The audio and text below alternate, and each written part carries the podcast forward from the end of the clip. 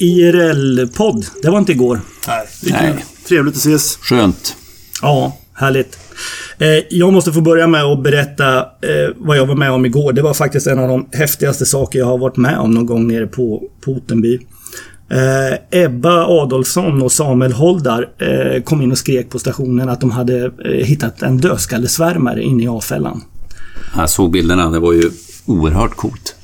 Ja, det var det verkligen. Och, och den här... Alltså till att börja med, vet ni om att de är 14 centimeter mellan vingspetsarna? Ja, jag, jag måste säga att jag, jag visste ingenting om dödskallesvärmare innan, men man fattar ju när man såg den här bilden. Framförallt när den tog med, med fingret eller handen. Ja, med handen, då fattade jag också. började man förstå hur stor den var. Ja, verkligen. Så att de, är ju, de är ju jättestora och sen de ser ju rätt liksom, skräckinjagande ut. Liksom den här svarta...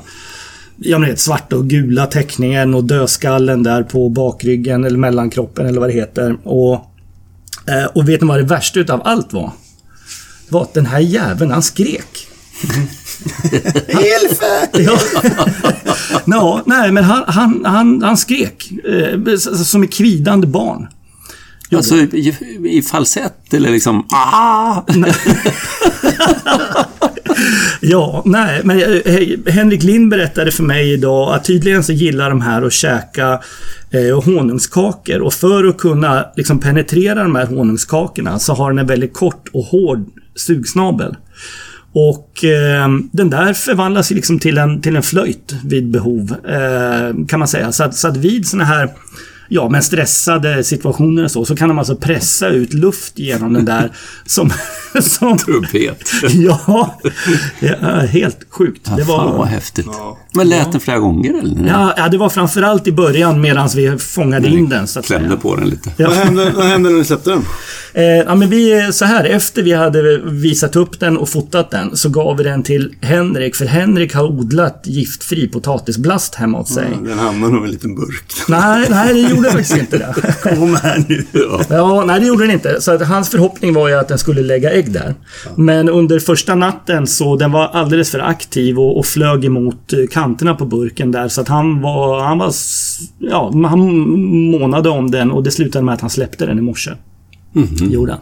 Den, den, ha- hade den fortsatt flyga mot väggarna hade den ju dött eller slitit ner sig liksom. Så att nu, den är, den är släppt nu. Jag var på en sån här nattlysning i augusti. Och jag, kan inga, jag ville lära mig lite så det var spännande. Men då, den eh, killen som höll i det där, han var ju såklart hängiven. Och, och då var det, ja, vi som stod där som noviser, han berättade lite grann. Och så plötsligt hörde man han sa, oj, den där är bra, den tar jag. Och sen sa han ingenting. Han sa vad det var rätt eller någonting. Oj, den är bra, den tar jag. Och så tog han fram burken. Jo, det lever nog kvar det där lite grann. Ja, ja. ja, ja, så är det. Men du Matti, du har varit ute och fart. Jag var i Falsterbo på Bird Show i helgen. Jättebra. Eh, framförallt är det ju trevligt socialt. Det, börjar man, det uppskattar man ju mer och mer när man blir äldre. Nej men det är, faktiskt- det är ju Mer väldigt gagg kul. och mindre fågel. Ja men det, det är... ehm, De har ju tidigare varit i naturrummet i tallskogen där. Ja, just det. Eh, Och den är, det området är bra framförallt för att det är en väldigt bra eh, sal om man ska ha föredrag. Men nu har de flyttat till djungeln. Och det är trevligt tycker jag. Då kan man ju stå och skåda samtidigt som man lite deltar och kanske hör om det är något föredrag eller något. Nu är det mest intervjuer bara här. Ja, men om det är fint väder måste nästan det vara att föredra va? Ja, jag tycker det var fint. Och det var mycket folk och man hade några food trucks, någon vietnamesisk och någon eh, småländsk husman. Man glassade runt där. Ja. Och så på lördagen, nu vi hörde någon, det var ju några som gnällde på att det inte var så mycket fågel, men lördagen var jättefin. Vi hade, jag tror vi hade 13 brungrader som sträckte ut. Mm. Och det är ju inte fy skam. Och kanske 120 bivråkar och nästan 800 sparvhök. Så lördagen var ju fin. Mm. Det här med brunglada har ju blivit, det är ju ett nytt, alltså det är ett fenomen nu. Men de hade ju, rekordet var ju för 2017, i mitten av september, då hade de ju 26 på en dag. Oj. Men sen är det ju, det är ju flera dagar per år, de har över 10. Var, var, var kommer Ja, var kommer den ifrån? Det undrar jag med. Jag gissar bara att det kommer dels ifrån, eh, det är nog spridda skurar från södra Sverige. Jag vet till exempel att det häckar i några par i, fyra par i Västergötland hörde jag. Och det vet jag att det är något, säkert något par i Skåne, trodde Mattias Ullman pratade om honom. Fast de hade inte koll just nu, vad jag förstod, var i Skåne. Det visst, förr kommer jag ihåg att de hade par som Som de hade koll på. Fyra par i Västergötland. Det var som sjutton. Ja, jag vet Ja, inte. men då i Hornborgabygden vet jag att det har häckat någorlunda regelbundet ett tag nu i alla fall. Ja. Har det. Men sen är det nog spridda par. Har de Västmanland har väl haft några par och, och sådär. Och jag vet att det har varit spridd par i Utanför Högsby i östra Småland har det varit ett par. De är ganska, jag tror de är Jo, ganska så- anonyma. alltså, jag tror de Sen är det ju försvinner. uppe i, i Norrbotten. Har Precis, det varit länge det va? Ja, Ja. men tror, tror ni de går ut ur Falsterbo? Ja, jag tror det. Tror Ja, inte, varför jag, jag, Det är tror väl- att det är många från Norrbotten som går ner där. Ja, okej. För mig känns det som en liten konstig ko- kolonisering. Har det kommit både liksom från öster och fylls på då trycker ner söderut? Eller de som är nu i, i Skåne, Västergötland, Småland, kommer de söderifrån och koloniserar därifrån? Och det är liksom ingen sån här eh, våg som egretthäger som plötsligt bara sköljer över en känns det ju som. Det, det är ändå ganska... Det är ett långsamt förlopp det här. Jag har nog tänkt mig att expansionen har gått från, från två håll. Ja, alltså både ja. från kontinenten och, och från Ryssland, Finland. Ja, Precis. Ja, det är väl det. så. Ja. Ja, det är kul. Uh, nej, men det var, den är bra. Den är ju väldigt kul. Ja. Hade ni någon stepphökar då? Eh, vi missade faktiskt en. De hade, det var en på fredagen, en ungfågel som kom... Jag var där redan på torsdag. Jag blandar ihop dagarna lite. Det gick i alla fall två stepphökar under de dagar jag var där. Jag missade båda dem. Eh, men, eh, nej, men det var som sagt trevligt. Jag var ju... Jag kan bara hålla med. Jag var, hann ju bara skrapa på ytan. Jag var nere i Skåne i ett annat sammanhang. Så jag hann med söndag Det var inte så mycket fågel, men det var ju... Jädrar vad man träffar folk. Det är väldigt trevligt ju. Alltså, Ja, det är det faktiskt. Det, de har ju fått till det där. Det, ja, det är... Ja, det skulle, vara, det skulle vara roligt att och liksom på något sätt ha någon motsvarighet på våren på Öland. Ja, Ehm, jag tycker alltså samma, i samma sociala sammanhang så att säga. håller med. Jag vet man inte.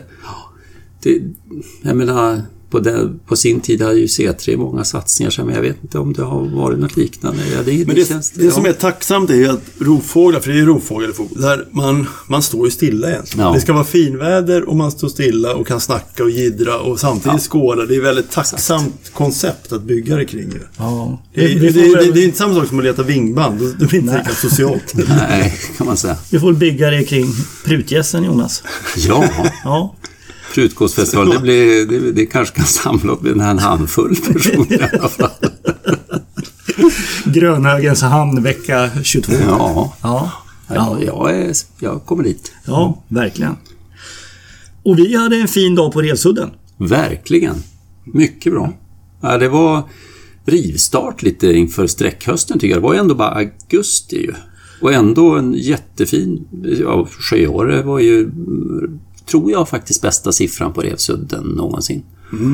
Eh, Ja, just det. Det blev det. 13 500 va? ja, Och jag såg att det var i Skåne hade ju samma dag höga siffror. Ja. 15 eller något sånt där. Ja, Ja. precis. Och det lär ju inte vara samma. Det är ju... nej, nej. I De är- Falsterbo var ju det. Det tycker jag var lite otippat. Ja. Och mycket bra med svärta också så tidigt också. Över, jag kommer inte ihåg vad vi hade, typ över tusen i alla fall. Ja, 1400 någonting hade vi. Ja. Ja. Jag, jag minns att om vi har liksom Estlandskvoten skulle vi haft en knöl på det här antalet. För den passerar ju rätt fint också. Ja, Men det ja. blev ju ingen. Men det var och fint med labbar. Nej, Kalmarsund ska man inte underskatta. Det är fint som fasen. Alltså, Inte minst Revsudden på, från Smålandssidan tycker jag. Ja, och särskilt alltså så snart vinden kantrar uppåt eh, nordsektorn. När den lämnar liksom eh, syd och, och sydostsektorn där nere och vrider upp på nord istället. Då, då, då är ju sundet bättre än vad Österöland är. Ja, det är det. det, det, och, det, det så är det bara. Och vad kom vi upp i då totalt? Visst blev det 20 kustlabbar?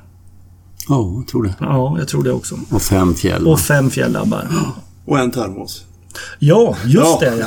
Den, vill du, du, får, du får ta upp den här Mats. Ja, vad ska jag säga? Det var... Du och jag satt ju kvar. Jonas, du var tvungen att pysa där på eftermiddagen. Ja, Så vi- jag, jag kan säga jag har ju min uppfattning kvar. Vad jag, klar vad ni har sagt. Okej, för då kör vi battle nu. Ja. Nej, men då satt, du och jag satt kvar och eh, sen kom Harald Persson ner. Och han hade inte suttit mer än en kvart eh, förrän han säger Jaha, här, är det här en tretåig Och jag tror vi båda, då har ju den gått på Ölandssidan och passerat oss. Den är liksom, den är, ja, den är långt ner i, i sydost för oss. Jag vet inte, tre kilometer kanske? Två och en Ja, halv? ja, åtminstone. Det var ju över två kilometer Ja. och den var ju ner mot eh, Isbyudde. Ja. Var den. Innan, innan alla fick kon på den så var det ju fyren på Isbyudde som var riktmärket. ja, då har den ju passerat liksom rakt Ja. över. Mm. Men det var, det var slående att det var en bred svart eh, framkant på handen och sen det här lysande vita mittpartiet och sen den mörkare kroppen. Och tretåig mås, det är en helt, den är ju större, det här är en liten mås. Eh, jag tycker inte tretåig är, är liksom med på banan när man har en tärnmås. Det tycker Jonas. Ja, ni, ni tar upp kanske en av de mest en av de mer stringande arterna som finns just tretåig Ja. Ja. Ja. Så att, jag, alltså, att det inte är med på banan vet jag inte. Jag, Ja, men det- jag tycker då- det, det låter som en klassisk tidig tretåig för mig. Ja. Ja, men då, då var det, det som var synd var ju att vi, vi såg ju inte någon, eh, vi kunde inte se om den var, det var så långt håll så vi såg inte om den var svart på stjärtbandet och vi kunde liksom inte urskilja någon huvudteckning. Det var, det var, ni hör ju, du hör ju vilken dålig obs det är. Och visst, eh, det, det kanske var en tretåig. Jag tror ju inte det. Nej. Eller, jag men är jag sä- inte jag är ganska sån. säker på det. det. Det som kanske i så fall, det är om, man, om det snar, i giss och form är det snarare var det här dvärgmålstuk på det än tretåig, Mm. tycker jag. Ja, ja. Eh, Nej, men jag ska inte fåna mig för att jag men var det som var men- kul, ja. för det som slog mig, det var ju det som jag tänkte, det, det lös, det här vita var så jäkla vitt. Det var otroligt intensivt Ja, och det som var kul, jag pratade med Peter Holmqvist nu på Falsterbo Birdshow, vi hängde i helgen. Och då pratade vi om, tog vi upp det där. Jag sa, han hade inte berättat så mycket om obsen. Och så frågade jag lite grann om hans obser, för han har sett flera, han bor i Halmstad och har haft både gamla och unga. Och hans, han har oaktat vad jag har sagt, eller jag har inte sagt någonting, så pratar han just om det här lysande vita fältet. Men ja, den, vi såg ju som sagt inte vad det var för ålder och då får det ju gå som obestämt självfallet. Eh, nu såg jag att den här fågeln var i Ungern idag. Ja, ja. så det var ju som ett kvitto. ja.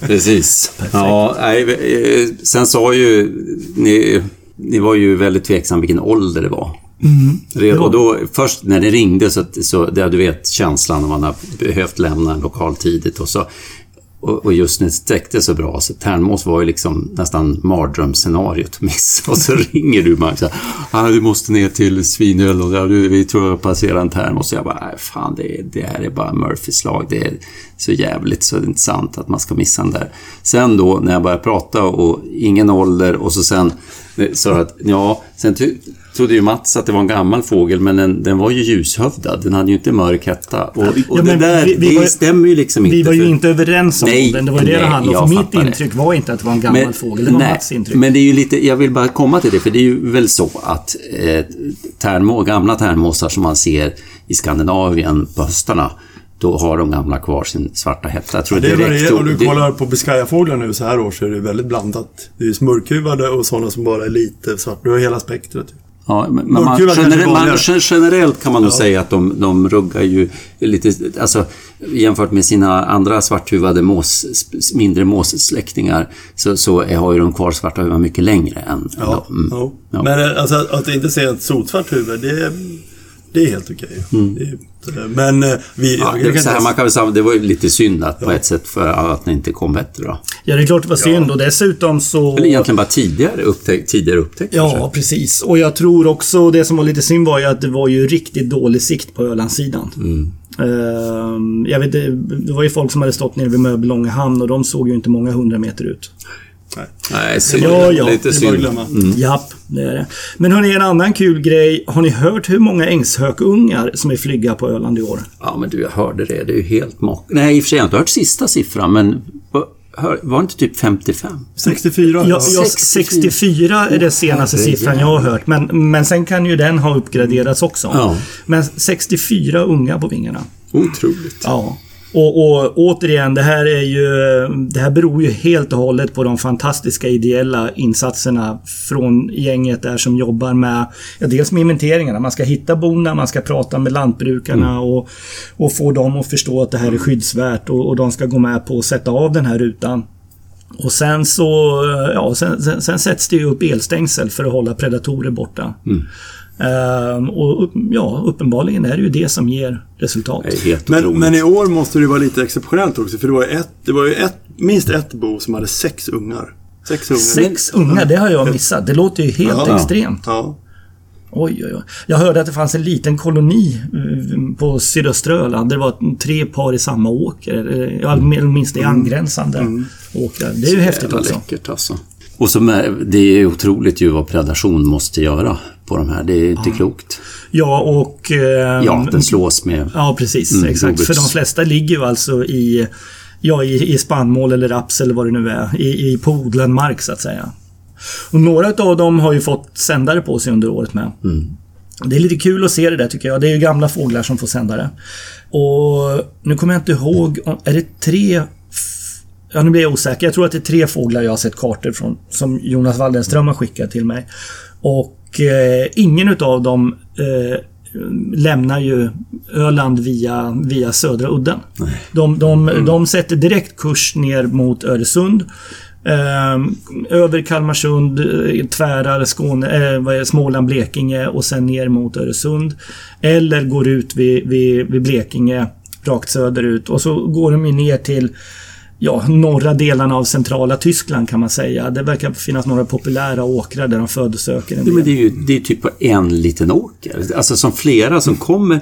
För jag har också sett de där eh, tracksen och det, det man slås av, av två saker. Dels hur målmedvetna, när de väl sätter fart, då bara köttar de söderut. Inga så här, inte så mycket ledlinjer eller någonting, utan de har, de har ungefär kompassriktningen. Och så bara tvärar de allting. Och så sen så möts de där på någon liten, inte vet jag vad det är för åker där nere i Tyskland Ja, någonstans. nej precis. Oavsett om de har gått ut, om de har lämnat Sverige via Blekinge eller Skåne så, så möts de nere liksom i samma åkerområden i det här området i, i Tyskland. Det är lite kul.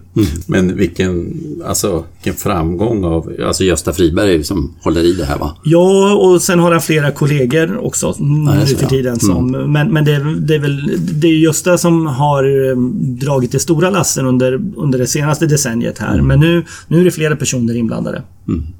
Men det där är intressant att de inte går ner till Ottenby. För det har ju vi sett. Det har ju vi sett tidigare höstar i augusti. Att det, vi ser ju inga gamla som går ner. Jag tror jag har sett någon hona någon gång. Äldre hona som har gått sträckt ut.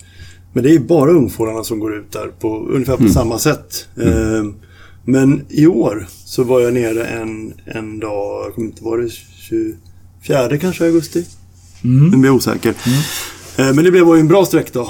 Och då kom det mycket ängsök. Och då kom det även... Eller sanningen är att först stod vi på udden på morgonen och då hade vi sex ungfåglar som sträckte ut. Sen bytte jag upp till Sibyllas. För jag tyckte att de började dra lite mer västerut. Del. Eh, och där fortsatte det gå ungfåglar, men då kom det även gamla. Eh, vi hade ju en, bland annat en grupp på en gammal hanne och två äldre honor. De kunde jag inte åldersbestämma helt, men de var äldre. Som kom tillsammans och drog. Sen vad de gick ut, det kan jag inte svära på om de gick ut vid Kungsgården eller vad de kan ha lämnat. Men det såg ut- mesta, det ser ut som allt lämnade den dagen. Ja, ja. Jag var ju nere dagen efter igen och då var det tomt. Det var inga som drog runt så här, som de kan göra dagen efter. Liksom. Fan vad läckert. Och hur många hade du totalt? 19 hade vi totalt. Ja. Det är ju, det är ju en helt galen siffra. Ja. Är det. Ja, det var, Sverigerekord. Ja, ja, kanske. Det vet jag inte. Men om det är Sverigerekord. Men det var ju väldigt det bra. Ja, fantastiskt kul. Hoppas att eh, fortsätter att gå bra för dem. Det ska bli kul att se nästa vår faktiskt. Hur, eh, eh, hur tätt det blir på... Mm. Det är ju klart, det tvåkofåglar, men det är ju många kommer tillbaks där också. Alltså. Mm. Ja, precis. Och, och man, det är ju det är ju inte ovanligt att man ser tvåkofåglar som hjälpare också i, Nej, i, eh, till de äldre paren. Här. Vi hade ju två, det var ju två tvåkohannar som gick ut den dagen. Okej. Mm. Ja. Ja, det är läckert.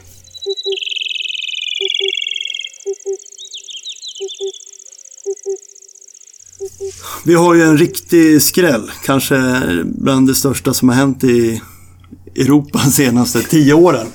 Ja. Ehm, som vi kan komma, återkomma till. Men eh, först har vi en ny Sverigeart. Ja, just det. Lite, inte det, jag såg det inte komma. Ingen av dem som jag, jag tror jag förstår vad du menar när det är stora skrällen. Men man, det är lite otippade arter som dyker upp kan man säga. Ja, precis. Och, och jag gissar Mats att du menar att vi börjar med kabelduvsångaren här? Ja. Ja, precis. Det där, det var ju faktiskt... Jag håller med dig Jonas om att det var ju otippat. Men eh, väldigt roligt fynd tycker jag. Så tillvida att, att, att det faktiskt blev en, en oruggad sliten höstfågel. Du ser som ett frågetecken Jonas. Ja, ja, det är den då vi har drömt om. Ja. ja, ja, precis. Tänk, tänk. Ja, det är det jag också legat och grubblat över. Tänk, ska det, bli, ska det bli en fräsch eller en oruggad? Nej, ja, men, eh, sliten, det är så, ja, Ja, jag hör ju att det här kräver en förklaring. Det jag menar är att eh, de sydeuropeiska kabelduvsångarna, de är ju i princip stannfåglar. Ehm, de, de rör inte på sig många meter under vintrarna. Och de har ju otroligt gott om tid i sitt tidsschema. De ska ingenstans. De eh, ruggar också därför sommarkomplett direkt efter häckningen. Det betyder att nu vid den här tiden så är de überfräscha. De är mörka och mustiga i tonerna och, och superfräscha. Och det här står ju i ganska skarp kontrast till de populationerna som flyttar, som finns i eh, sydost om oss. Eh, I ja vad är det, från östra Turkiet eller något sånt och sen vidare upp i Centralasien. Och även runt Kaspiska Ja, havet tror jag. Ja, precis. Just det. De populationerna, de flyttar ju. Och de har inte alls lika mycket tid på sig. Så de sticker ju oruggade i sliten dräkt eh, söderut ner mot övervintringsområdena och sen så genomför de där ett komplett fjärdebyte. Så att det jag menar är egentligen bara att eh, att den kaveldunsångaren som faktiskt dyker upp hos oss eh, här i, i, i Sverige, hos, hos Bosse Pettersson nere i Skåne där. Att det är en sliten gammal fågel är bara en, en, en, en bra pusselbit i ursprunget för den här fågeln. Och, och det, det som är lite kul, det finns ju flera olika former utav kavdunsångare. Eh, dels i större delen utav, utav Sydeuropa så har vi ju den som heter, ja, nu skulle vi haft eh, våran eh, latinska expertis gud. här. Men säger man melanopogon eller säger man melanopogon? Säg det, det spelar ingen roll. Nej, Det beror på okej. om du är klassisk latinare Ja, eller inte. just det. Ja, precis. Nej, men eh, och där i princip hela den populationen är stannfåglar och de ruggar sommarkomplett. Eh, går vi däremot österut till den här Mimicus från Turkiet upp mot Centralasien. Där finns det både eh, så att säga, stationära populationer och flyttande populationer och där hittar man också båda, eh, båda ruggningsstrategierna. Så, att, så att det, det är alltså snarare så att ruggningsstrategin hör inte ihop med, med, med rasen, utan den hör ihop med valet av flyttningsstrategi. Men, men när du säger att hos Mimicus att det, att det finns både eh, flyttande och stamfåglar, m- men i olika områden då så att säga? Eller? Ja, de nordligare populationerna är ju de som flyttar. Men om du går söderut ner mot Mellanöstern så finns det eh, stationära populationer utav Mimicus. Och något som är ytterligare lite skojigt med det här det är att under mm, eh, hösten här nu så har jag fått bilder ifrån Noel Hoenthal som sitter nere vid Aras i östra Turkiet och ringmärker. Det är ju precis i de Är han här... där nu igen? Ja, han är där. Han är Ah, tillbaka nu läckert. igen. Ja. Och eh, det roliga där är att eh, eh, han får ju fåglar som har en arresterad ruggning. De har alltså bytt halva handen ungefär och sen avslutat ruggningen för flyttningen. Så att det verkar liksom finnas även en, en intermediär strategi i de här liksom centrala delarna utav utbredningsområdet. Det är väl de som kanske som flyttar halvlångt eller något som har halvbråttom. Jag har ingen aning. Men det är lite roligt att se. Och i den litteratur jag har läst så har jag inte hittat någonting om arresterade ruggningar hos kaveldunsångare. Det är lite udda, alltså små tättingar som, alltså sångare som kommer österifrån, det brukar i regel vara ungfåglar. Det är lite ändå udda att det är en gammal fågel. Ja, det är det.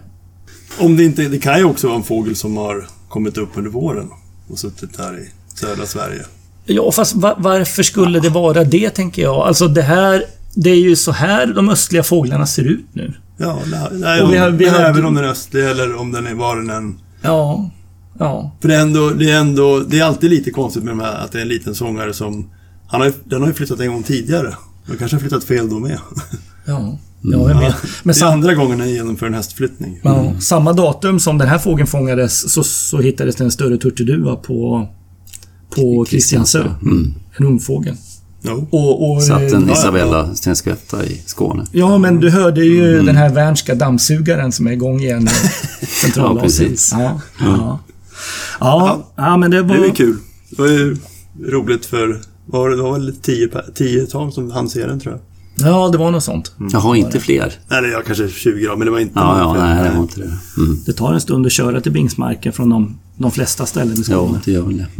Kul att se bilderna på den. Det var, den alltså, man har- går ju att ha en bild. Har- Jag har ju sett... Eh, för det första var det väldigt många år sedan jag såg eh. Jag har sett på Mallis och, och eh, där i eh, Van i östra Turkiet. Men det var ju väldigt många år sedan. Och så går man ju och man ser bilder och sådär och som du säger, var fräscha, fina fåglar i bra ljus. Och så Så här varmt tobaksbruna. Ja, men precis. Va? Och så såg man en del av de där handbilderna. Den ger ju ett väldigt speciellt... Alltså, det är till och med så att om jag inte hade läst, och hade jag nog fått tänka till lite innan det hade poletten hade trillat Ja, ner. verkligen, man hade ju inte vågat tänka tanken. Alltså, Nej, men vilken precis, mardröm att hitta den där en buske och se den lite... Ja, Alltså, lite man skulle så, va? aldrig Ja. vågat gå så långt. i Nej, tankarna. nej, det är lite så. Det, det, det, därför var det lite kul tycker jag. Och, och,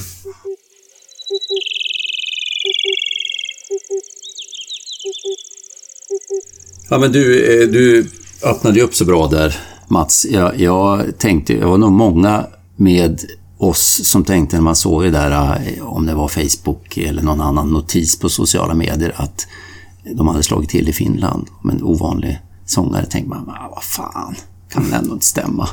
Och så läser man hela eh, liksom fyndredogörelsen och allting.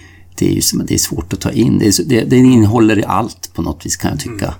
Ja, det gör den. Jag håller med.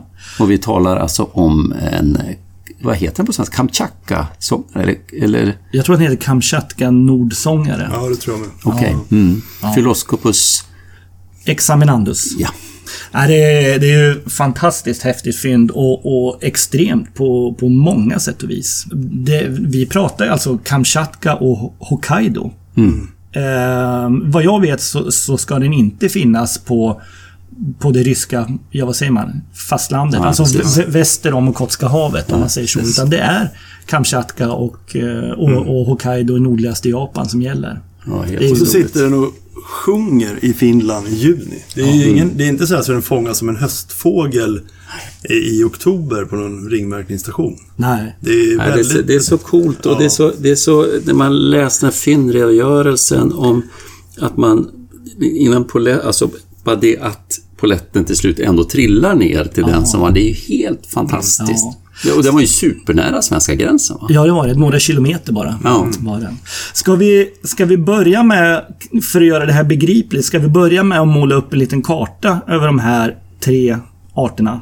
Mm. Gör det. Om vi börjar med våran gamla vanliga nordsångare. Så eh, efter den här splitten nu då som skedde, jag tror svenska TK splittade den 2014 om jag minns rätt. Och våra nordsångare som den nu för tiden avgränsas, den går ju alltså från Skandinavien och sen eh, norra delarna utav Ryssland ända bort till Chukotka och till och med över in i Alaska. Enormt stort utbredningsområde. Jätte, jätte, ja, det är många hundra mil brett.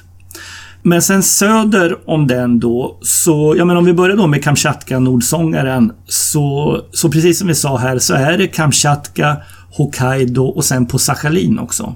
Eh, men alltså inte på, på fastlandet i, i Ryssland. Och sen den tredje arten som eh, eh föddes i med den här splitten är den som på svenska heter japansk nordsångare, Xantodryas på latin. Och den hittar man alltså då på, heter den Honshu, den stora central, den, den stora huvudön i Japan. Och vad heter den sista ön i söder? Det är Kyushu, eller nej? Ja, det finns i alla fall i, i, i centrala och södra Japan. Det är där man hittar den, den sista tredje arten. Och ja, det var väl första gången som jag läste något riktigt ordentligt om den här. Eh, jag kände till de andra formerna, men första gången jag förstod att de skilde sig åt, det var ju i den här IBIS-artikeln från 2011 som flera svenskar var inblandade i. Bland annat Per Ahlström, eh, Urban Olsson, Martin Irestedt och Mats Björklund också. Ja, och i man, får, den, man får väl säga att eh, där var ju också japanska medförfattare som tidigare också hade publicerat, vad ska jag säga, vad jag förstod med ungefär samma indelning. Men det här, deras IBIS-artikel, svenskarna var med, var ju lite mer där det liksom kickade in att läteskillnader stämmer överens med hur genetiken.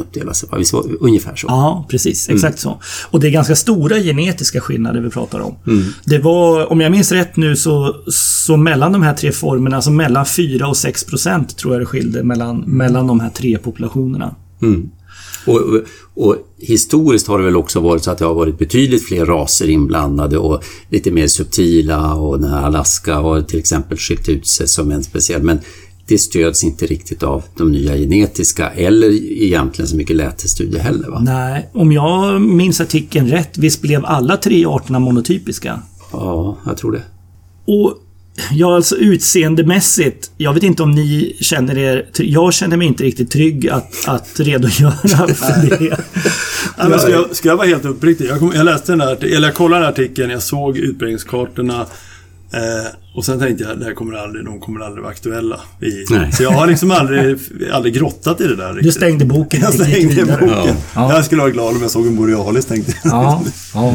ja men så, så, så eh, udda är ju fyndet. Att man... Eh, Ja, jag håller helt med dig. Samtidigt, om jag nu inte missminner mig, var det ändå inte något snack den här magiska hösten 2016 var det det? ja. Då upptäckte ju, upptäcktes det ju nordsångare på Öland Ja, vi kastlösa. vid Kastlösa. Och där var det väl ändå liksom diskussion, kan det nu vara någonting? För allt var ju möjligt den hösten. Va? Och, och man, man visste att ja, men de skiljer sig väl lite i, i lockläte. Jag var aldrig inne och grävde det där. Men jag vet att det pratades och till och med togs det inte något prov på den. Det var jag som gjorde det. Jag samlade flera bajskottar ifrån den. ja, Ja. Eh, Ja. ja, det var klokt ju. ja, jag hade knippe provrör i fickan som av en händelse. Så, Så den är, den är analyserad? Ja, det var en, eh, en borealis. Jaha. Var det. Jajamän. Eh, men- och jag minns utifrån eh, jag minns från den observationen att orsaken till att vi tog den här proven var att vi tyckte att första handpennan såg eh, ganska lång ut. så var det. Och det skulle i sin tur då kunna, kunna tala för någon av de, de andra formerna. Men jag är ledsen, jag har verkligen inte det här i huvudet längre. Jag, jag minns inte. Och sen så tror jag också att det är så att de här eh, två nya arterna, Kamchatka-norsångaren och framförallt den japanska, är inte de lite gulare Jo. i teckningen? Eh, Och Grönare kanske. ovan och, och gulare under. Eh, Jag så- kollar så- här på Wikipedia. Det är nya, där, där, där står det det. Det är den nya tunga litteraturen. Ja, det är bra. Härligt Matti. Men faktum är, om, om man, man eh, i det här Finlandsfyndet, de hade ju en handbild där. Ja. Som var den ju lite krämigare. Den hade så gulstänk på bröstet och ganska Mm. intensivt gultonat i ögonbrynsstrecket. Och det är ju inte riktigt Mm. det man förknippar de här eh, boreal, alltså nordsångarna som eh, brukar fotas i Abisko liksom. Nej, Nej. nej. Men den här finska fågeln, lockade den? Den sjöng den bara, lockade den också? Jag vet inte om det lockar, men sjung gjorde den ju. Det var så den. den hittades också. Eh, ska vi... Så här nu, vi har ju konstaterat att de är väldigt lika varandra. Även om vi verkar vara dåligt pålästa på skillnaderna. Eh, men däremot så skiljer de sig ju rejält i sina lätesyttringar. Verkligen. Ja, Vill ni... Jag har med mig både sång och lock. Vill ni höra? Gärna. gärna. Ja, ska vi börja med sångerna? Ja. Då börjar vi med en vanlig nordsångare.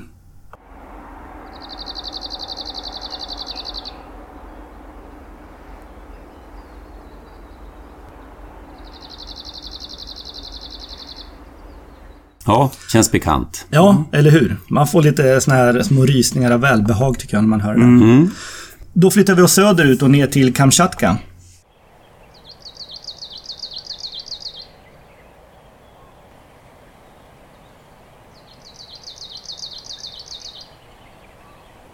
Ja, det är ju något helt annat. Det är liksom pulserande och, och en helt annan rytm. Och stötigt. Ja, verkligen. Jag kommer ihåg när jag läste, eh, visst var det Petri Lehikoinen som upptäckte den finska fågeln?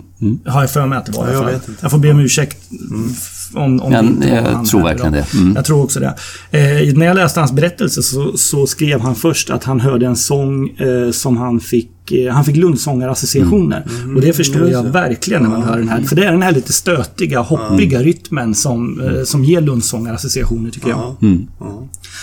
Ja, då fortsätter vi söderut ner i Japan då. då.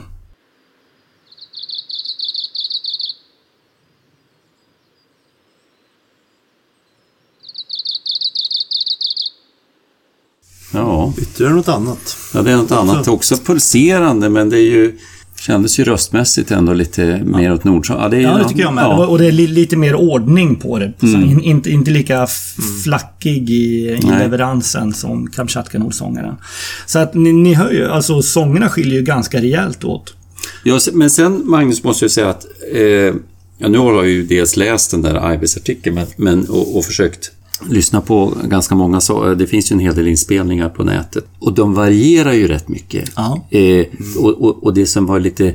Så att jag håller helt med dig, det här är ju som tre helt olika kategorier. Sen, och, och man känner ganska direkt instinktivt att fasen, det här, oj vad distinkt och, och, och enkelt det här var. Sen lyssnar man på fler inspelningar så är det ju fler varianter och vad som också är lite spännande är ju att det framgår att när, när de har gjort den här analysen, och lyssnat på en massa inspelningar, att, att även individuellt så växlar, man, så växlar de här individerna rätt. Såväl nordsångare som Kamchatka-nordsångare som växlar mellan olika sångtyper. Jo, men det stod väl också de facto i artikeln att, att de inte hade någon individ som var svårplacerad. Nej, absolut. Efter, en, Absolut. efter en analys av sången, så att säga. Ja. Det, det jag vill säga är att man kanske inte ska haka upp sig. Om man nu har fått någon minnesbild, alltså inte minst den här Kamchatka den skiljer ut sig mest på något vis. Ja. Så, så, så det finns fler varianter på den här rytmiken eller den här spretigheten som inte exakt låter så här med det. Och det, det Jo, absolut. eh, så va. Hade du lock där också? Ja, ska vi gå över och lyssna på lockläppen Ja, också? Ska vi ta dem i samma ordning och börja med en nordsångare då? Ja, läckert. Den klassiska Lilla Veka Strömstaren. Precis. Och då kör vi lock från Kamchatka Nordsångare.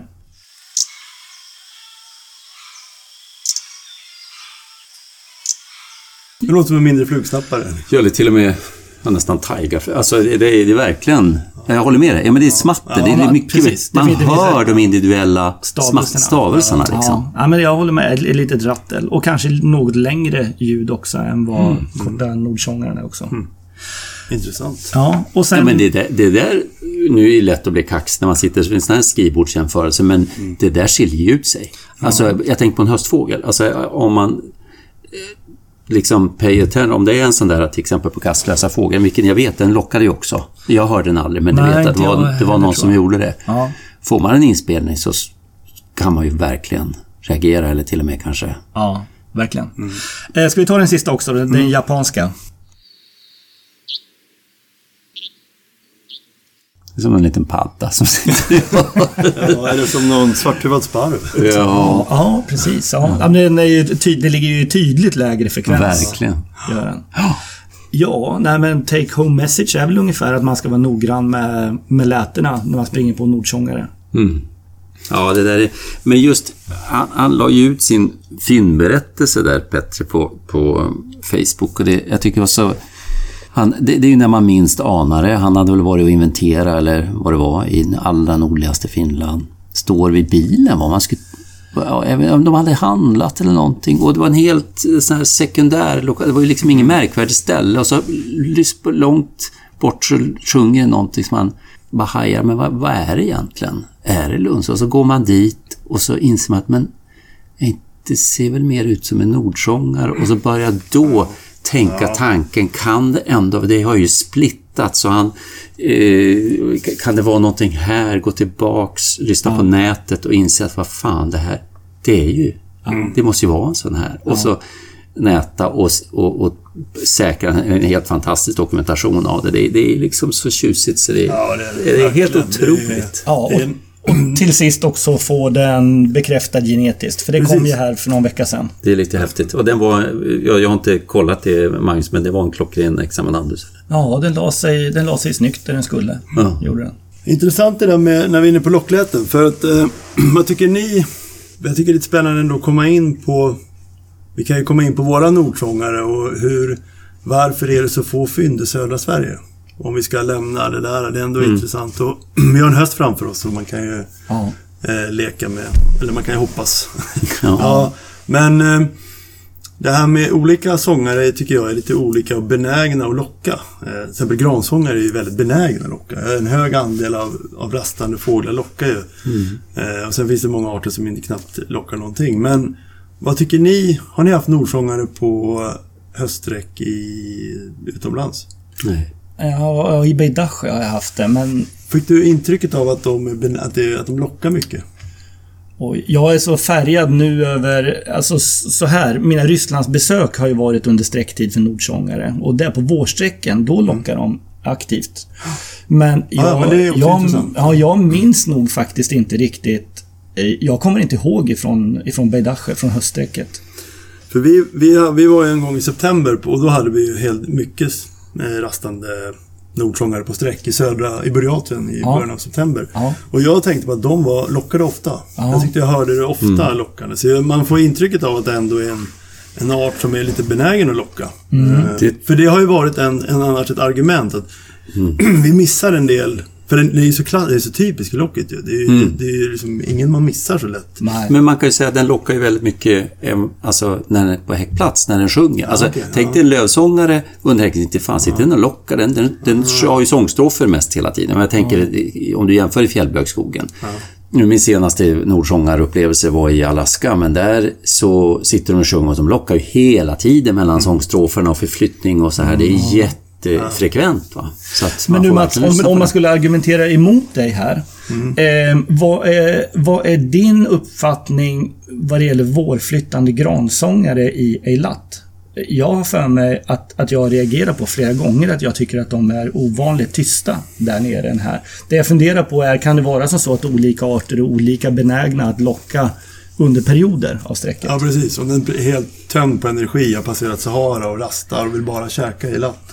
Ja. Men jag kommer inte ihåg i latt hur det var riktigt. Jag, jag kan nog minnas att tyckte... Ja, nej, jag tycker man hörde mycket gransångare. Men det jag vill säga är lite grann att jag tror...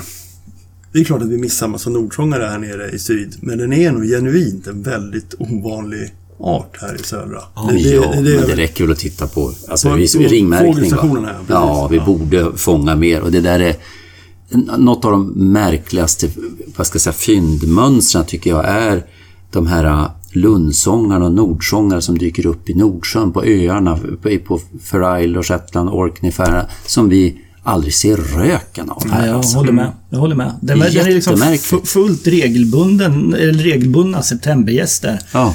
ute i, i den där korridoren. Men, men hos oss ser vi ingenting. Jag fattar inte heller det faktiskt. Jag har gjort en liten sammanställning över fynden i södra Sverige. Och det finns sex fynd i Götaland. Ett utav dem är ett vårfynd, en fågel som fångades på Nidingen för bara några år sedan. Eh, Den 25 juni. Uppenbarligen liksom ny, nyanländ till landet.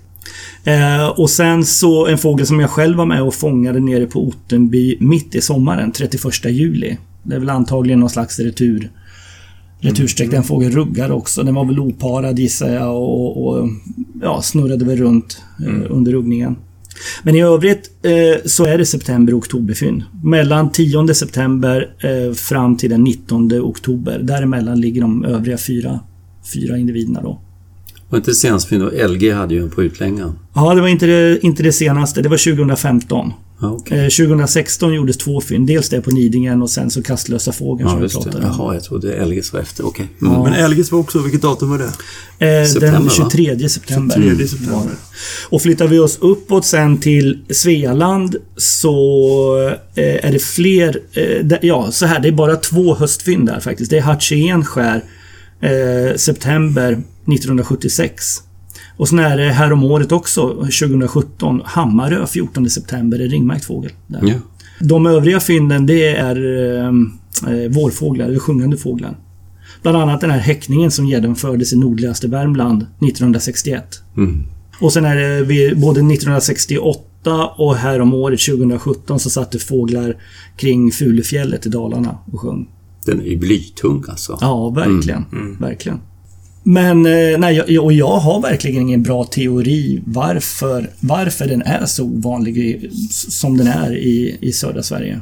Ja, det måste ju finnas, om man, du sa ju förut att den går ju längs hela, ända bort till Beringsund. Men Ja. det är ju inte bara långt, det är också brett. Den finns ju... Ja. Det, det måste finnas en jättepopulation av nordsångare. Ja, men kan det vara den här gamla 180 graders felflyttning-hypotesen som ställer till det? Att södra Sverige i princip ligger... Vi ligger ju bara 90 grader fel. Förstår ni vad jag menar? De, de som flyttar 180 grader, de går väl ut till Lofoten och ner eh, i Atlanten en bit och dör där ute. Men jag, menar, jag, jag tycker det krystar lite med tanke på att, jag menar, jag menar vi har ju alla andra östliga och, och kungsfågelsångare. Det, Det haltar inte lite. Vi borde ju, alltså det... Kungsfågelsångare tror jag inte du kan slänga in i det här alls. Den är ju en joker. Den, den, den är ju... Den är Jaha, ju jag förstår exakt vad du menar. Ja men, Vad är det den, för jävla goddag yxskaft argument? ja, men Kungsfågelsångaren är ju den märkligaste av dem alla egentligen. Det finns ju många arter som, som är väldigt östliga och eh, stora populationer som vi har liksom i, Ja men vad kan det vara? Några fynd per år i VP och, och kanske ett till och med. Men nord, eller Kungsfågelsångare är inte heller sånt jätteutbredningsområde och den är ju ganska öst, väldigt östlig. och, Men- sy, och sydlig. Och sydlig, men Ja. ändå är det så väldigt många fynd i relation. Den är den märkligaste av dem. Men om man tänker så här då. Brunsångare då, den är väldigt regelbunden här. Den, den går ändå... I, i- den går ju längre västerut än, än Kungsfågelsångare och, och Videsångare. Den, den är, häckar lika nordligt. Den hä- häckar liksom upp i nästan tundraregionen eh, och, och, och björks... Ja, Den, den ser vi, den är ju vanlig. precis. Ja, men Ja. brunsångare tror jag är bättre Ja. jämförelseobjekt i sådana fall. Så det, hur man än vänder och vrider på det tycker jag att det är lite märkligt få fynd. Ja. Ja, det är det. Men för, precis som du säger, det borde ju vara en jättepopulation. Därför den är väl inte... Alltså... Den kanske inte är jättetalrik, men så ovanlig är den väl inte heller inom stora delar av utbredningsområdet. Ja, du, Matti får svara för Nej, det. precis. jag kan inte svara på det heller, men jag, jag tänker bara på hur många ni fångar. När man är i Beidache så fångar man ju många och när, den här res, höstresan när vi var i Burjaten, den var ju en av de vanligare. Det var ju tigersångare, så. spispipärka och så, men Arbesilla är ju också en sån som det borde vara flera av. Den är också st- stor och väldigt stor population. Men du, hade ni nordsångare när du var på Taimyr? Nej, det hade vi inte. Ja, det är för långt norrut. Vi var nog, vi var nog, vi hade, du vet, vi hade, det var knappt upp till, några buskar upp till knäna. Liksom. Det var inte mycket mer. Det sen var det en ganska kärv sommar. Ja. Ja. Ja, ja, populationerna runt Baikal, de är ju täta med, med nordsångare. Det, det är inte en ovanlig häckfågel alls. Nej. Ja, ja, något ska vi väl ha att tänka på i framtiden också. Men, men har du tittat någonting? Finns det... När det dyker upp någon sån där så är man ju sugen på att gräva i gamla dokumenterade fynd och så här. Tror du att, tror att vi kan hitta något den som... Finns det guld att hitta bland gamla nordsångarfynd, tror du? Jag vet inte. Alltså, det är ju mycket här som hänger på lätesyttringarna. Och jag känner inte till att det finns särskilt många... Eh, av de här fynden nu som jag har räknat upp, de här 11 fynden från Götaland och Svealand, så känner jag inte till att det finns några inspelningar ifrån dem. Nej. Eh, är kokt. Ja, ja, ja, det blir åtminstone svårt. Eh, Skulle de gå som obestämda då? Eller? Ja, ja, det kanske de får lov att göra från och med det. OB nordsångare. Ja, du, äh, äh, Ja, hej, jag tror du go skämta om det där. Alltså, alltså där är don't go there, precis.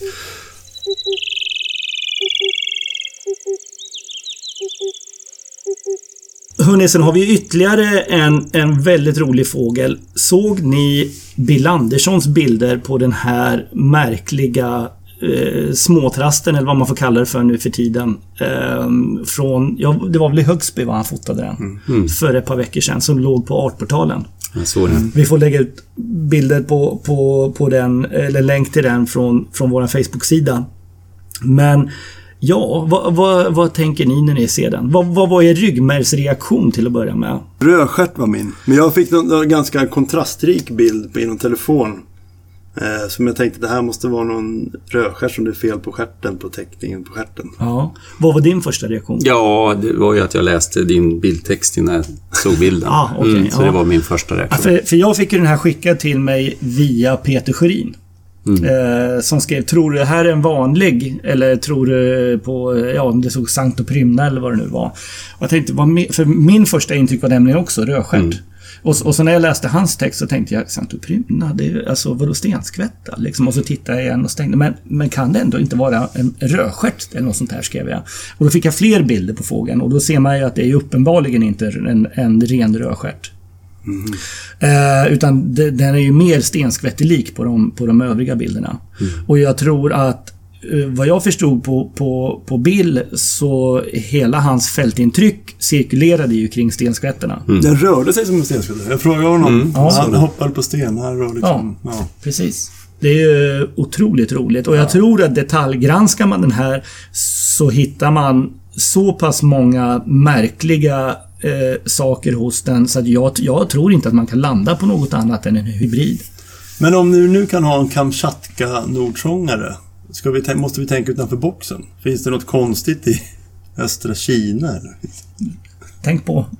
Eh, nej, jag vet inte. I, I mina ögon så ser ju den här fågeln verkligen ut som en blandning utav en... Ja, alltså det ser ut som en, en, en, en perfekt mix utav rödstjärt och stenskvätta också. Hur konstigt det än låter. Ja, men det är väl det. Ja, det, tyvärr kommer vi aldrig få något facit. Men, men jag tycker att det mesta, liksom särskådar man detaljerna så tycker jag att det mesta talar för det ändå. Ja, men sen blir man inte lite styrkt av den här norska fågeln. Jag tror du också visar bilder på den va? Ja, Var det en precis. buskvätta och... Buskvätta och rödstjärt. Ja. ja och den, Men- den sekvenserades Exakt. också. eh, Så den fick man ju också teorierna bekräftade i efterhand. Mm, man såg att det var en, en hybrid. Ja, alltså vi som var med och diskuterade den var ganska överens om att vi tycker att det mest liknar en blandning mellan en buskvätta och en rödstjärt. Jo. Och sen, och, och sen så i, i efterhand så sekvenserades den. Eh, jag gissar att det var nukleärt då. Eh, för man fick ett fram ett facit som jag minns det. Ja. Kul. Ja. Och eh, ja, nej men dels eh, så att säga stjärtteckningen på Bills fågel här. Det, stjärtbandet, det bakre, det terminala bandet på stjärten så att säga, det mörka. Det är ju genombrutet utav röda, röda partier på, på ett jättemärkligt sätt. Eh, och sen så ser man ju också på de här, de här inruggade postjuvenila större täckarna och mellersta täckarna som sitter på den här fågeln. Ni vet när, när stenskvätter ruggar ut dem, de är ju liksom de är mörk, mörkgrå. Nästan svartaktiga med lite tunna kanter på. Mm, Det var lite silver eller? Ja, det här, var ju, det här är ju som en rödstjärthanne. Alltså ljust eh, blyertsgrå eller vad man nu ska kalla det för. Ja, och, och det, det ser cool, lite alltså- udda ut i, i gissen också, tycker inte ni? Där, Jo, i, i, I proportionerna. Men det är coolt med att det liksom småtrastar eller uh, hybridiserade är ju... Vi har inte jag menar, vadarhybrider är ju också coola. Det har vi inte haft på, på länge eller diskuterat. Nej. Men det, jag jag hade bara associationsbana när vi pratade om det här. Någon som man, när jag började skåda pratade man om Cox Sandpiper. Ja, just det. Precis. Ja. Ja. Och, och eh, det slutade väl med att Visst var det brushan? Nej. Nej, det är tuvsnäppa, spol Just det, det. så Ja. var det. Men, och de sågs väl då regelbundet i Australien, var det inte så? Ja. Ses det fortfarande sånt där? Eller har ses det sånt där i Europa? Alltså var, var tog det vägen den där typen av hybrider? För det, det vimlar ju inte ändå av Calidris hybrider. Nej, det gör det inte. Ehm, Jag vet att jag såg, det är någon av de här Håll Arktis-vadarguiderna som innehåller foton på, på hybrider. Där finns det åtminstone någon bild med på Cox. Men det finns ju också en hybrid mellan prärielöpare och gulbröstad snäppa. Nej, vad Ja, läckert. och det är också en sån där fågel som, ja, om man hade fått den där, fan vet man hade nog gissat på det. Nu i och för sig, den är ju säkert inte sekvenserad, så att jag gissar att det inte finns ett facit. Mer eller mindre kvalificerad gissning, men det ser verkligen ut som en som ett mittemellanting mellan en prärielöpare och en gulbössad snäppa. Mm.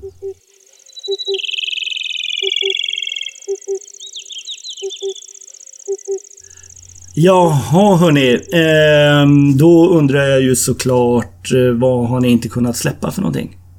Det ser ut som att Jonas vill börja. Ja, det ska jag inte säga. Jag var, eh, har några... Eller jag måste tänka efter. Jo, en sak som jag såg i mitt nyhetsflöde som gjorde mig glad, förhoppningsfull, jag hoppas på att få höra fortsättningen, det är ju att man har gjort färdigt ehm, The Mouse Eradication Project på Gough Island vid Tristan da Cunha. Det. Du vet, eh, man har ju fått inspiration från, eh, man börjar väl tror jag med det här på lite mindre öar i Nya Zeeland och, och, och rädda havsfåglar. Sen var det en fullständigt, den tror jag pratat om tidigare podden, att man lyckades med hela Sydgeorgien. Alltså en ö stor som nästan Gotland och, och som har, har haft stora problem med råttor. Eh, som kom med, med sjöfararna där och har haft, eh, gått illa åt många av havsfåglarna som häckar på, alltså häckar tiotals miljoner där. Och, och då längre upp i Atlanten nära eh, Tristan finns ju Gough och Inaccessible Island och där häckar ju det som man tidigare, eller eh, taxonomerna tvistar väl, men, men en, en av avvandringsalbatrosskomplexet, Tristan albatross, häckar ju där. Bland annat, och, och även den här atlantiska yellow-nosed albatrossen som har setts i Sverige och, och, och så. Och, eh, väldigt, väldigt viktig ö för häckande havsfågel. Där är det ju möss som har invaderat. Och de har ju varit och är, alltså de är oerhört elaka predatorer av albatrossungar. De käkar dem ju medan de sitter och på liksom boet och växer så äter mössen albatrossen liksom mm. levande. Va? Och det har, blivit, har varit en katastrofal ungfågelsproduktion på Tristan albatross. Och det är två saker som är olyckliga. Givetvis äter de upp ungarna men, men det är också det att det tar så lång tid innan man märker effekt. Jag menar, de här stora albatrosserna de kanske blir 60, 70, 80 år gamla. Eller blir väldigt gamla i alla fall. Och, och då Eh, det kan gå ganska många år av ingen ungfågelsproduktion men när man väl börjar märka det då går det ju raskt ut för. Va? Då kraschar det. Ja, då kraschar det. Och så har de ju haft stora utmaningar för att eh, det är ju blåst och dimma typ 350 dagar av 365 och det bygger på att man med helikopter kan gå med sådana spridare av, av råttgift då, och liksom flyga i transekter och sprida ut det på varenda kvadratmeter av den där ön. Mm. Och eh, det lyckas man med nu. Eh, så att det är bara att hoppas att det blir lika lyckat som på Sydgeorgien, för där har det ju, det har ju, det har blivit en fullständig succé. Mm. Och, och, man såg ju att man var ju rädd först att det skulle vara massa såna här eh, icke önskvärda effekter, att en del fåglar får i sig det där, till exempel vad heter det, jätteståndfåglar och, och, och så. De, de, är lite asätare och plockar upp råttgift och dör av, även lite dominikanertrut och sådär, eller kelptrut. Um, ehm, men de, ehm, det, det, har inte varit någon fara alls, men man såg redan liksom ett par år efter hur eh, havsfågelpopulationerna ökar, petrellerna, dykpetrellerna eh, och inte minst South Jordan Pipit nere på Sydgeorgien. Hoppas att det blir lika lyckat här. Verkligen. Och att, eh, det är liksom häftigt. Och Tristan albatross är ju liksom en hotad art. Det är inte... Nej. Och vet ni förresten att det är den... Det visste inte jag, det här är ingen nyhet, men du vet när man fick när Rare Birds som Ahlströms bok. Ja. Så då är ju vandringsalbatross med den. Ja. Alltså för att det finns ju ett fynd. Och det finns ju ett fynd från Sicilien. Ja, just det. Ja. Men det, den är ju bestämd. Det är Tristan albatrossen. Ja. Mm, som man ja, Sen lite skriverier om den, att, om, om lite konstiga fyndförhållanden. Den var liksom lite för välmående och fet och tommager. Det var Andrea Corso som tror jag har skrivit en liten notis som man ja. tycker är ett lite märkligt fynd och det kan man ju tycka. Men det var i alla fall en Tristan albatross. Kul. Mm. Från eh, så jag hoppas att det lyckas med det. Det får vi hoppas. Mm. När du äh, påade här nu och började prata om mouse eradication, då trodde jag du skulle börja prata om sådana här kinesiska omskolningsläger. Nej, det gjorde jag inte. Det blir nästa avsnitt. Ja, precis. Ja. Eh, Mats? Ja, med risk för att jag tagit upp det tidigare, men eh, jag läste av en eh, kaspisk trut här för någon vecka sedan eller två på Ottenby som var färgmärkt i Minsk. Ja. En gammal fågel. Eh, den var faktiskt märkt tror jag 2014. Eh, det är ett stort industriområde där de har jättemycket gråtrut och kaspisk trut. Eh, där de har hållit på länge och färgmärka. Så det har jag läst av ganska många kaspiska trutar tror jag i Sverige från det här området. Men nu i det här området så har det ju då, de hybridiserar också mycket kaspisk och gråtrut där. Mm. Men nu har det även då etablerat sig silltrut. Och i, om det var i år eller förra året, så har ju de kaspisk trut och silltrut fått ut flyga ungar. Åh nej. Så att det, när man står och trilskas med några svåra ungtrutar på så är det liksom, det kan kännas lite, ah, tusan, ska man förhålla sig till det också? Ja. Fuskinans. Fuskinans, ja. Fusk, ja, kul. Det börjar bli som eh, ja. nordamerikansk trutskådning, bara olika grader av hybridisering. Ja, ja, ja. ja men det... Usch. Ja, mm. det var värst. Jag, tyckte, jag har alltid tyckt att silltruten, våra fuskustrutar har varit lite för ädla för att hålla på med sånt här. Ja. Ja men så här, snygga, vackra, gracila, lite... Ja, de är lite för mer än de andra. Mm. Mm. Det är någon ryss som har våld. Då kommer en rysk kaspisk och våldförs på dem. ja, det, det, det, är, det är naturligtvis de som är mer aggressiva. Jag ser också som så. Ja. Eh, själv har jag två grejer och nämna. Jag kan börja med ett fynd av jättehavsörn i fjol i oktober i Alaska. Har ni hängt med i amerikansk eh, skådning och sett att den där har gjort en liten turné i USA. För samma fågel, ja i Nordamerika ska jag säga, inte bara USA, Kanada också. För samma fågel sitter nu i New Brunswick, uttalar man det va? Tror jag, innanför Newfoundland. Alltså i de, eh, de ostligaste delarna utav Kanada. Och dessutom så har det fotograferats en jättehavsörn. Eh, nu ska jag säga att, att det är nu under sommaren som den har setts här uppe i eh, nordöstra Kanada då. Men i våras så fotades det också eh, en jättehavsörn i samma dräkt i Texas, eh, i sydöstra Texas, i mars. Och den har man inte, bilderna är tyvärr inte tillräckligt bra för att man ska kunna så att säga, konstatera att det är samma fågel som har setts i, nu som har setts då i Alaska och i nordöstra Kanada. Men mycket talar ju för att det är det. Och, och, då har det alltså rört sig från Alaska ner till sydöstra Texas och sen eh, nordost igen då upp till New Brunswick i, i Kanada. Mm. Det är en ganska rejäl tur. Mm. Och det får en ju såklart att börja fundera på de, de svenska fynden ja, också. Du, du, såg någon av dem eller? Nej men det, säkert.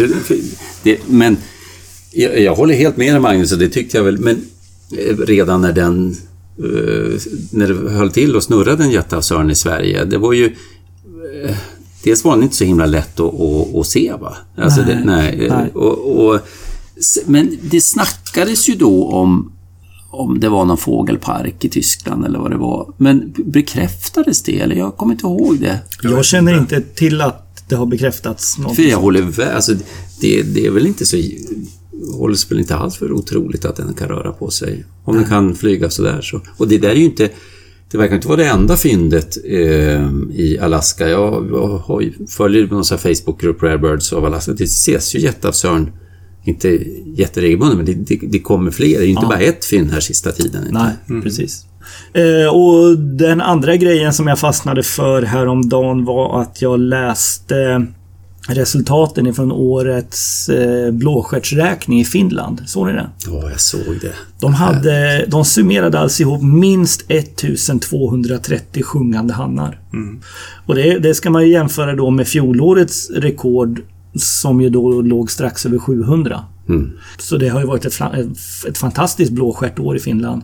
Det är ju bara att hoppas att vindarna ligger på ja. rätt här nu i september så vi får ta, ta del av, av den kakan. Ja, det var, de, var det idag de tog tredje på fjäderägg hittills i september. Så att, ja, ja, lite... Lite kommer in. Ja, Men jag ser, det känns som att det inte är så där otroligt länge som man läste. Och, och även det tyckte man var bra, liksom 50 singing males in Eastern Finland. Liksom, för att det ja. där var ju, när man var ung, det var det liksom Kosamo. Om man hade lite tur så kunde man få höra blåstjärt ja. liksom. ja. Och nu är det en av de vanligaste tättingarna i skogen i ganska stora delar där av eh, östra Finland en av de vanliga, alltså vad säger du? Nej men alltså vadå? Ja, inom flera utav inventeringsrutorna så är det liksom på, på topp 10-listan. Herregud. Ja. Menar du? Ja. ja. Ja, så har... Eh, jag har pratat med några utav finnarna som har jobbat med det där och så har de berättat det för mig i alla fall. Du gick ju många ja, mil men jag, juni, Mats. Ja, men jag, har, det? jag har hört, det här är i och för sig tredjehandsuppgift, men att Ronny som han är, den, han eh, Ronny Väisänen? Ja, precis. Han har någon standardrutt i de här fina områdena. Och på hans rutt eh, så hade han 44 stycken. Oh, på den. Mm. Och jag tror, det var Anders Eriksson som berättade det för mig. Jag måste ändå reservera mig om jag minns fel. Men Anders berättade att han har en liknande rutt i eh, någonstans som det är Sörmland. Ungefär samma distans. Mm. Och hans vanliga start är Bofink och han har 37 mm. ja. det säger någonting. Ja. Otroligt. Ja, det är, man, man hoppas... Jag rörde mig lite grann i, i, i eh, Västerbotten i juni.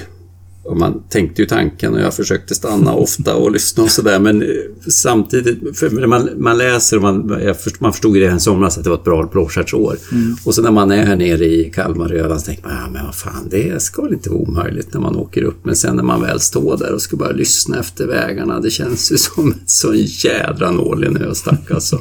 Man måste nog göra mer riktad insats. Ja. ja, så är det nog. Hörni, Tusen tack för idag. Jag tror att det är dags att avrunda det här. Mm. Mm. Tack själv. Får se om det har blivit en blåstjärt nästa gång vi hörs. Ja, just det. Kanske det.